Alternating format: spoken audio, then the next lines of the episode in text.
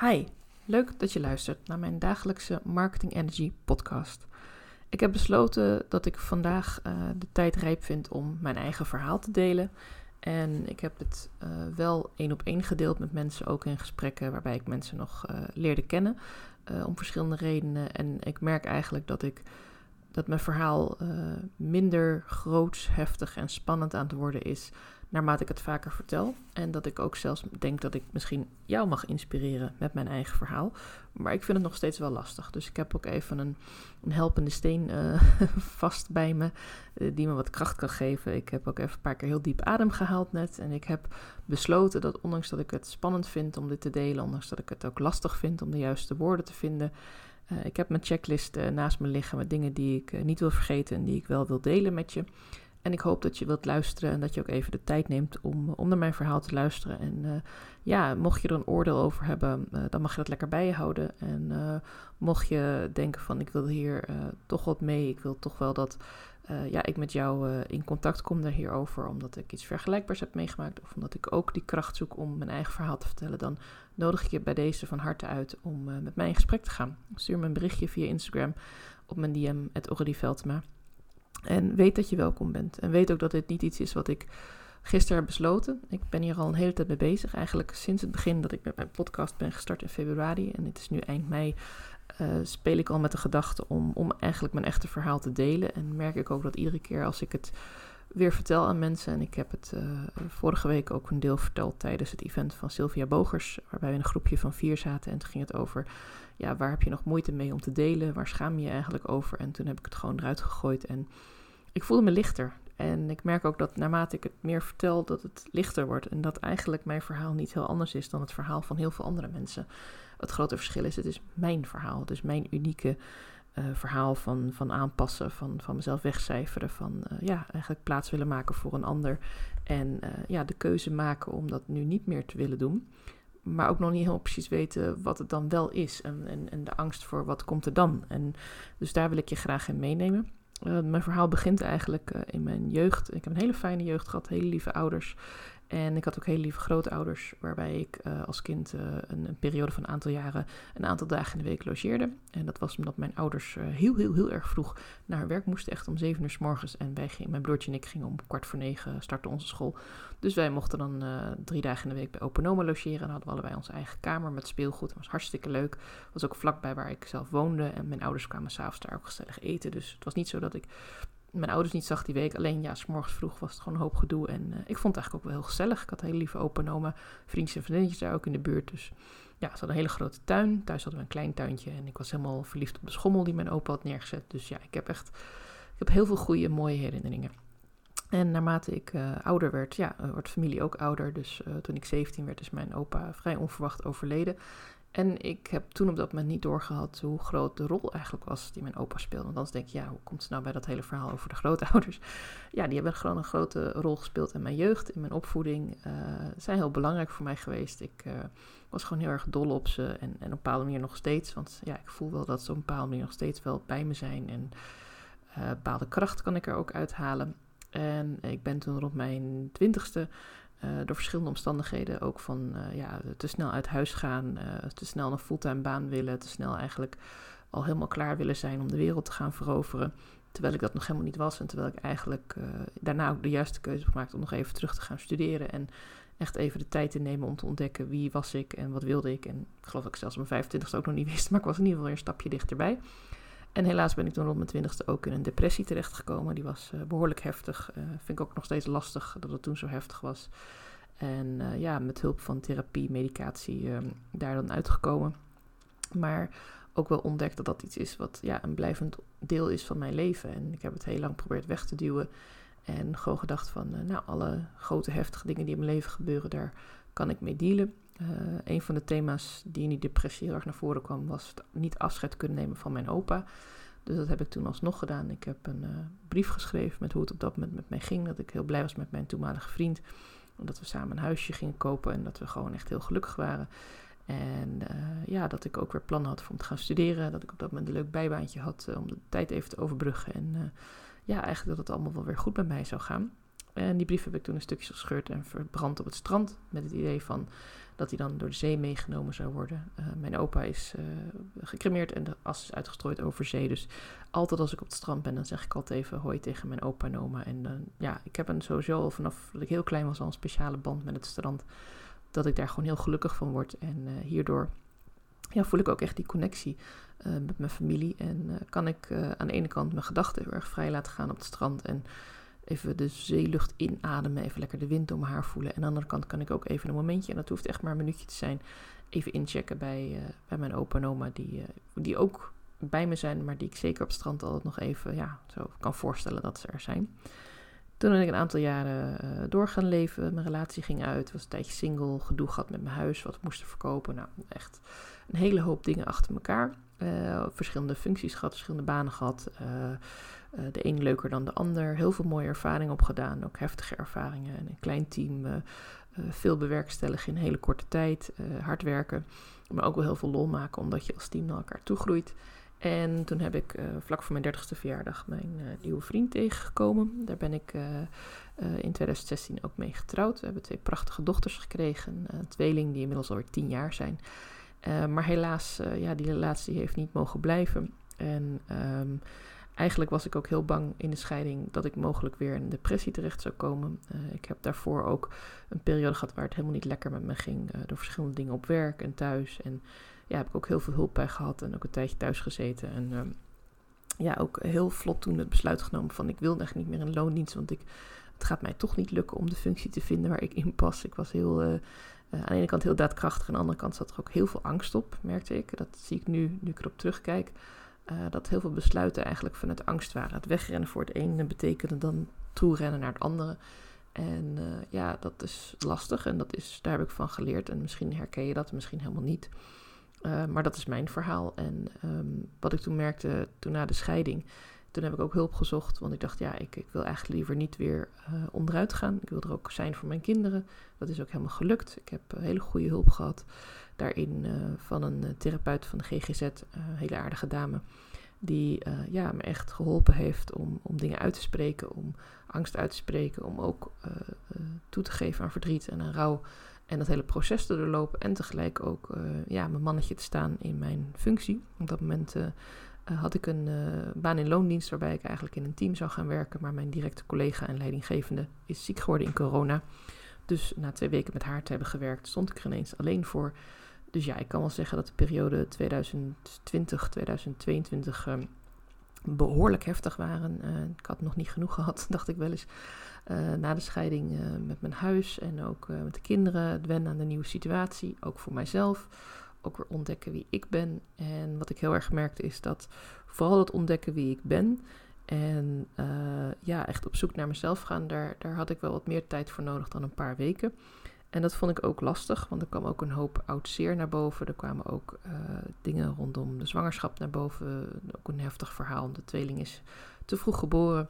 Uh, dus kortom, eigenlijk de grote dingen in mijn leven, daar hangt vaak een vrij negatief kaartje aan. En um, ja, dat vind ik lastig, omdat ik ook wel gewoon positief wil zijn. En ook uh, wil denken, ja, uh, toen was het niet leuk en, en heftig. En het feit dat ze acht weken in het ziekenhuis hebben gelegen, daar heb ik heel, heel, heel veel verdriet over gehad. Maar ze zijn ook heel sterk geworden. En ze zijn ook heel gezond het ziekenhuis uitgekomen. En ze zijn sindsdien eigenlijk nooit meer heel heftig ziek geweest, gelukkig.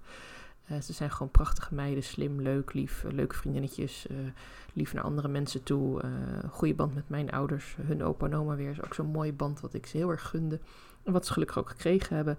Um, dus ik was altijd wel van ja, waarom blijven dan die dingen die me gekwetst hebben, die pijn hebben gedaan, die, waarvoor ik eigenlijk rouw mag voelen, waarom blijft dat me steeds achtervolgen? En daarom ben ik eigenlijk, toen ik vorig jaar opnieuw in een burn-out terecht kwam, uh, dat kwam dan weer door eigenlijk te veel hooi op mijn vork nemen, te veel mezelf aanpassen aan anderen, uh, te lange werkdagen, niet gewaardeerd worden op het werk.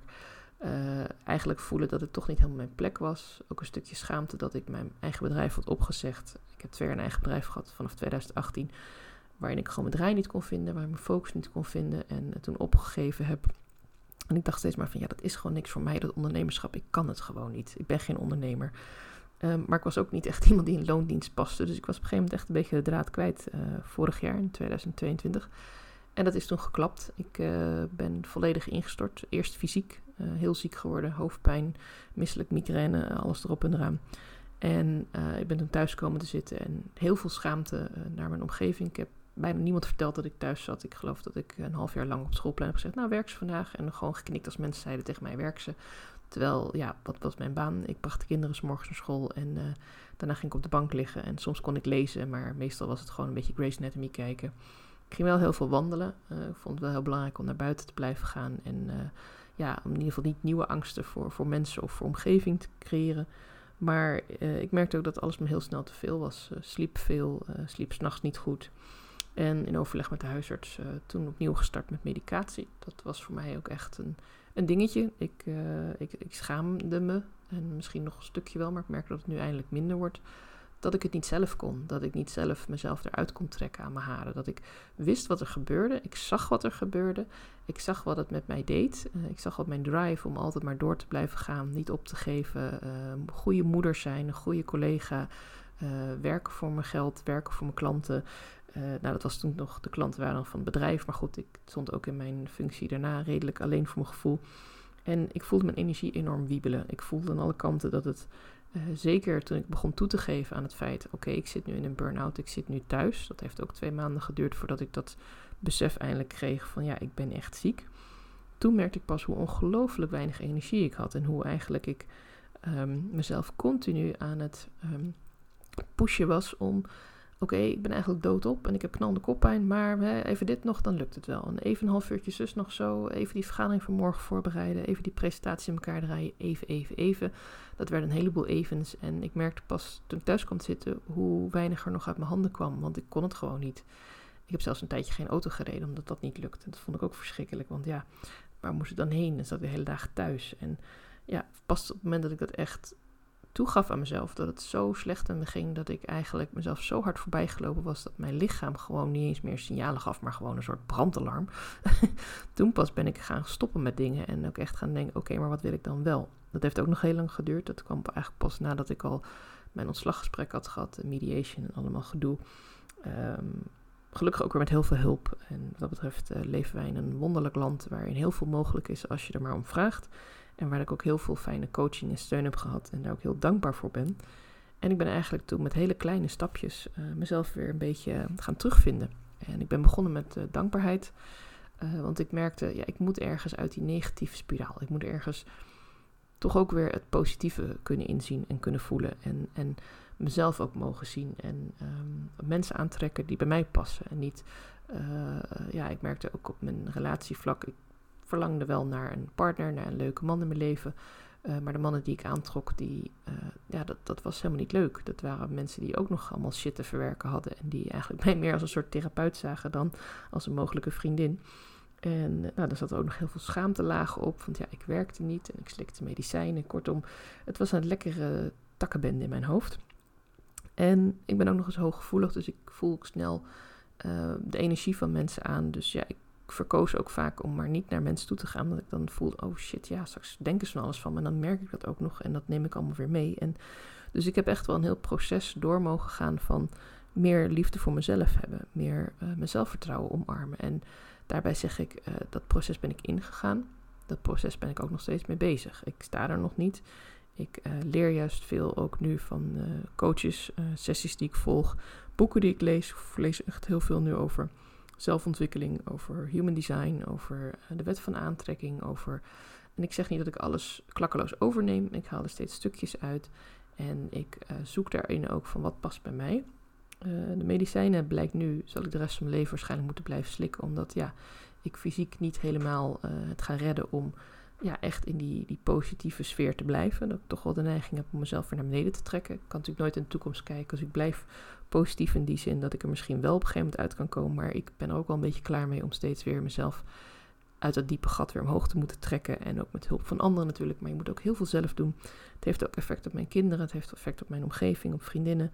Uh, ik wil echt steviger in mijn schoenen gaan staan. En dat is ook de reden dat ik dit verhaal nu deel met jou omdat ik het gevoel heb dat als ik dit verhaal nu een keer gedeeld heb, dan is het niet meer iets wat mijn geheim is, of wat mijn taboe is, of wat mijn schaduwkant is. Dat ik niet mag praten over wie ik echt ben en wat ik echt heb doorgemaakt. Want ik heb er ook heel veel van geleerd. Ik heb geleerd wat het met mij doet als ik niet lief ben voor mezelf. Als ik mezelf wegcijfer. Als ik mezelf ergens op nummer 10 zet van de lijst. En zelfs mijn katten meer uh, liefde krijgen dan ik zelf. Ja, het klinkt heel suf ik het zo zeg. Maar zo voelt het soms wel. Uh, mijn kinderen stonden eigenlijk altijd op nummer 1. En ik heb besloten om ze nu met z'n tweetjes lekker op nummer 2 te zetten. Dat heb ik al een tijdje geleden besloten. Ik sta op nummer 1. Want net als in het vliegtuig, ik kan pas voor die meiden zorgen als ik goed voor mezelf zorg. Als ik zelf geen energie heb, kan ik het ook niet aan hen geven betekent niet dat ze, uh, dat ze niet bij me terechtkomen als er iets is. Ze kunnen nog steeds op elk moment bij mij terecht. Dat weten ze ook. Of ze nou bij hun vader die week zijn of bij mij. Ik ben hun mama en, en ik ben er gewoon voor ze. Maar ik ben ook mezelf. Ik ben ook Aurélie. Ik ben ook uh, coach voor de mensen die ik wil helpen. Daar mag ik ook af en toe van zeggen: ik sta niet de hele dag voor je aan. Ik ben niet de hele dag uh, bereikbaar. Daar mag ik ook mijn grens in trekken. Een van de dingen die ik op een gegeven moment heb ingevoerd is dat ik bijvoorbeeld coachgesprekken en kennismakingsgesprekken zoveel mogelijk op vaste dagen wilde plannen. En meteen kwamen er allemaal stemmetjes in mijn hoofd die zeiden: Ja, maar je moet toch de hele week bereikbaar kunnen zijn? Nee, waarom? Voor wie? Als ik nou toch besluit dat op maandag mijn creatiedag is en dinsdag en woensdag sta ik open voor afspraken. Ik kan altijd afwijken daarvan. Het is niet zo alsof ik in steen heb gebeiteld. Ik mag alleen op dinsdag en woensdag in Zoom. Dat is helemaal niet het geval. Ik merk alleen wel, om de week heb ik op donderdagmiddag en op vrijdagmiddag de kinderen wat eerder uit school. Dus dan is het al een heel gepuzzel. En dan is het gewoon prettig als ik weet dat ik uh, wel misschien even een, een, afspraak kan doen als dat gewoon zo uitkomt. Of een seminar kan volgen of met een coach in gesprek of voor mezelf werken. Maar ik zit in ieder geval niet vast aan elke week altijd maar afspraken. En het is absoluut zo dat als je zegt ik wil graag met jou kennis maken, maar ik kan alleen op maandag of kan alleen op vrijdag. Nou, dan kijk ik in mijn agenda, wat heb ik die maandag of die vrijdag, dan kan dat. Dat heb ik afgelopen maandag ook gedaan met iemand, een superleuk gezellig gesprek gehad. Hele leuke kennismaking en ik weet ook zeker dat ik deze dame blijf volgen en dat we nog eens in de toekomst iets voor elkaar kunnen betekenen. Maar ik heb ervoor gekozen om die dingen die mij veel energie kosten een beetje te bundelen op een dag. En ook om te kiezen voor niet te veel afspraken op een dag. Want mijn energie is nu wel een stuk opgeklommen, is een stuk beter. Maar het is nog niet uh, op een niveau dat ik zeg, ik kan het echt aan om weer de hele dag in allerlei meetings te zitten. Toen ik in loondienst werkte, had ik dagen dat ik echt van s morgens tot s middags vijf uur achter elkaar allerlei overleggen had. Dat ik echt moest inplannen wanneer ik naar de wc kon gaan. Of even koffie halen of überhaupt even lunchen. En dan moest ik ook echt een uur plannen voor de lunch om ook even te gaan wandelen. Want anders dan zat ik s'avonds gewoon als een soort verkreukeld propje op mijn stoel van... Ja, hè? en dat is gewoon niet goed. En het klinkt soms wel heel erg stoer van... oh, ik had de hele dag meetings en oh ja, ik was lekker de hele dag druk bezig. Maar al die meetings hebben ook follow-up. Al die meetings hebben ook dingen, acties die ik moest uitvoeren. Dus het heeft helemaal geen zin om, om 20 meetings op een dag te hebben of zo. Nou, 20 een beetje overdreven, overdreven, maar het waren best wel veel. En altijd kwamen er weer dingen uit die ik dan moest rondmailen, of moest opstellen, of moest regelen, of nabellen. En dat geldt nu ook nog steeds. Dus vandaar ook dat ik zeg, niet te veel meetings op een dag. Uh, dan kan ik echt met aandacht met de personen in gesprek gaan waar ik mee in gesprek ga. Dan kan ik echt met aandacht ook mijn werk voorbereiden, uh, mijn content delen, masterclass geven en uh, voor mijn podcast gaan. En ik werk ook vooruit met mijn podcast. ik weet niet of je dat merkt, maar soms neem ik een aantal afleveringen op één dag op.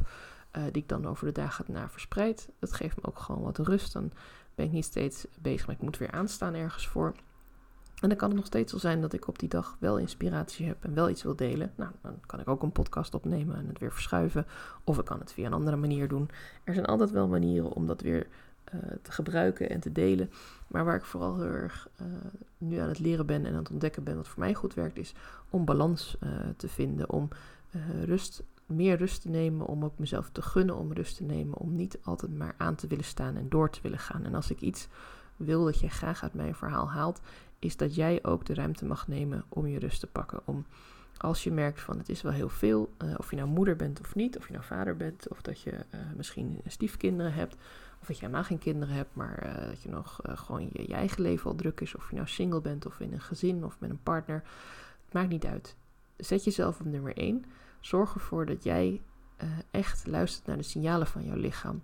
Want dat is echt de enige manier om het allemaal vol te houden. Het is een drukke drukke tijd. Uh, je bent druk als ondernemer. Er ligt ook veel druk op je schouders. En, en als het nodig is, praat erover. Zoek een business buddy. Zoek een coach. Gaat het over je content? Gaat het over je eigen verhaal? Dan nodig ik je van harte uit om uh, met mij in gesprek te gaan. Te kijken wat kan ik voor jou betekenen? Hoe kan ik jou verder helpen? Ik heb een heel mooi één op één traject waarin ik uh, een deel vaststaat welke stappen we doorlopen. En een deel is maatwerk, omdat ik ook wel zie dat we zijn allemaal uniek. We hebben ons eigen verhaal. En in deze podcast heb ik met jou mijn eigen verhaal gedeeld. En ik hoop toch dat je uh, daar wat uit kunt halen en ja, dat je me nu ook weer wat beter leert kennen. Ik vond het spannend, maar ik merk ook wel weer dat het een stukje verlichting biedt. Dat het weer een stukje van me afvalt. Van hé, hey, dit hoef ik niet meer allemaal zo bij me te houden. Dit mag ik loslaten. En uh, ja, ook een stukje verwerking. Dus bij deze ben ik jou dankbaar dat ik deze podcast met jou mag delen. Ik wens je een hele, hele fijne mooie dag. En ik spreek je graag morgen weer in mijn volgende aflevering van mijn dagelijkse podcast.